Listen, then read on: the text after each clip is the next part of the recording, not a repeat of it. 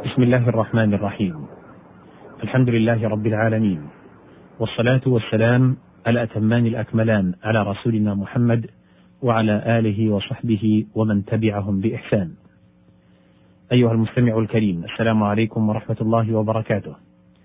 أحييك في مطلع هذا اللقاء الذي أسأل الله سبحانه وتعالى أن يكون مباركا على من تحدث فيه وأصغى إليه. وكان الحديث قد توقف بنا في آخر الكلام عن مادة الخاء والتاء والميم. عند قوله تعالى اليوم نختم على أفواههم وهو عبارة عن منعهم الكلام. وهذا في وقت غير وقت آخر يتكلمون فيه وهو قوله ولا يكتمون الله حديثا لأن يوم القيامة متطاول مختلف الأمكنة والأزمنة. الخاء والدال والدال. قوله تعالى في سورة البروج: قتل أصحاب الأخدود. هو شق مستطيل في الأرض غائض يجمع على أخاديد.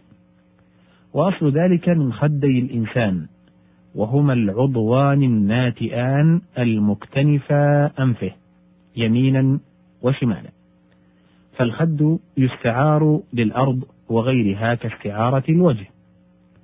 وهؤلاء قوم حفروا حفائر أعني أصحاب الأخدود وأضرموها نارا. فمن أظهر الإيمان ألقوه في تلك الأخاديد الخاء والدال والعين. قوله تعالى في سورة البقرة يخادعون الله. الخدع من الخداع وهو الفساد. قال سويد ابن أبي كاهل يصف ثغر امرأة أبيض اللون لذيذ طعمه طيب الريق إذا الريق خدع. ثم عبر به عن المكر والكيد لما فيهما من الفساد. وقيل الخدع أن يبدي ما لا يبطن ومنه المخدع لموضع خفي في البيت. والأخدعان عرقان مستبطنان سمي بذلك لخفائهما. وقوله تعالى وما يخدعون إلا أنفسهم أي ما يرجع وبال خداعهم إلا عليهم لا يتعداهم. إنما بغيكم على أنفسكم ولا يحيق المكر السيء إلا بأهله. وقولهم أخدع من ضب أي أمكر. وذلك أن الضب يتخذ عقربا على باب جحره تلدغ من يدخل يده فيه. حتى قالوا إن العقرب بواب الضب وحاجبه. فقالوا ذلك لاعتقاد الخديعة فيه. وخدع الضب أي استتر في جحره. وطريق خادع وخيدع كأنهم تصوروا خداعه لسالكه لما تاه فيه. الخاء والدال والنون. قوله تعالى في سورة النساء ولا متخذات أخدان. الخدن والخدين المصاحب.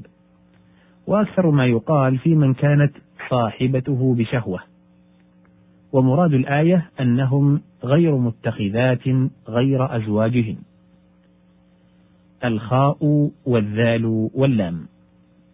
قوله تعالى في سورة الفرقان وكان الشيطان للإنسان خذولا. أي كثير الخذلان لأنه مثال مبالغة والخذلان ترك النصر ممن يتوقع منه ذلك. وقوله وإن يخذلكم أي يترك نصرتكم. وخذلت الوحشية ولدها تركته وحده. وتخاذلت رجلاه إذا لم تعيناه على المشي. قال الأعشى بين مغلوب تليل خده وخذول الرجل من غير كسح والمخذل في الجيش من تحين المقابلة بل المخذل. ولهذا يخرج من الصف ويقال خذله فهو خاذل وخذول والجمع خذل. قال الشاعر وما خذل قومي فأخضع للعدا ولكن إذا أدعوهم فهم هم الخاء والراء والباء. قوله تعالى في سورة الحشر يخربون بيوتهم. التخريب نقض البناء وهدمه. يقال خربه وأخربه. وقرئ يخربون ويخربون. فتخريبهم بأيديهم لئلا ينتفع بها من بعدهم. وقيل بل بإجلائهم عنها لما تسببوا في ذلك. وخرب المكان يخرب خرابا فهو خرب. والخارب سارق الإبل والخربة أيضا سرقة الإبل. والخربة عروة المزادة وهي أذنها وأصلها كل نقبة مستديرة والجمع خرب. ومنه تقليد الهدايا بخرب العرب ونحوها. وقيل الخربة شق واسع في الآذان. الخاء والراء والجيم. قوله تعالى في سورة قاف ذلك يوم الخروج. يريد يوم القيامة. وسمي بذلك لخروج العالم فيه لقوله يخرجون من الأجداث. قال أبو عبيدة هو من أسماء يوم القيامة. الخاء والراء والدال واللام. قوله تعالى في سورة الأنبياء من خردل. الخردل معروف واحدته خردلة ويضرب بها المثل في القلة. قال تعالى وإن كان مثقال حبة من خردل أتينا بها. وهذا من باب التنبيه بالأدنى على الأعلى وتنبيه على عدله تبارك وتعالى. الخاء والراء المضاعفة. قوله تعالى في سورة الحج فكأنما خر من السماء. الخرور السقوط من علو يكون معه صوت غالبا. والخرير للماء والهواء.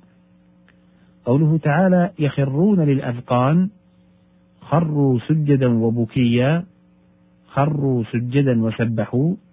اتيانه تعالى بذكر البكاء والتسبيح. تنبيه على أن ذلك الصوت المصاحب للخرور إما بكاء من خشيته وإما تسبيح لربوبيته. الخاء والراء والصاد. قوله تعالى في سورة الأنعام يخرصون أي يكذبون. قتل الخراصون أي الكذابون. ومنه خرص النخل وهو أن تحجر أن على رؤوس النخل كذا وسقا من الرطب وأن أنه يجيء منه كذا وسقا من التمر. وكان عبد الله بن رواحة خارص رسول الله صلى الله عليه وسلم. وذلك يختص بالنخل والكرم. فأطلق على الكذب لأنه من غير تحقيق ولا غلبة ظن إلا أن الكذب قبيح والخرص هذا ليس بقبيح. يقال خرص وتخرص واخترص أي افترى الكذب. وفي الحديث لما حثهن على الصدقة جعلت إحداهن تلقي الخاتم والخرص وهو الحلقة الصغيرة من الحلي. هنا نتوقف على أمل بإذن الله سبحانه وتعالى إن أذن لنا بلقاء في الأسبوع المقبل إن شاء الله. حتى ذلكم الحين أشكر لكم حسن إنصاتكم وإصغائكم والسلام عليكم ورحمة الله وبركاته.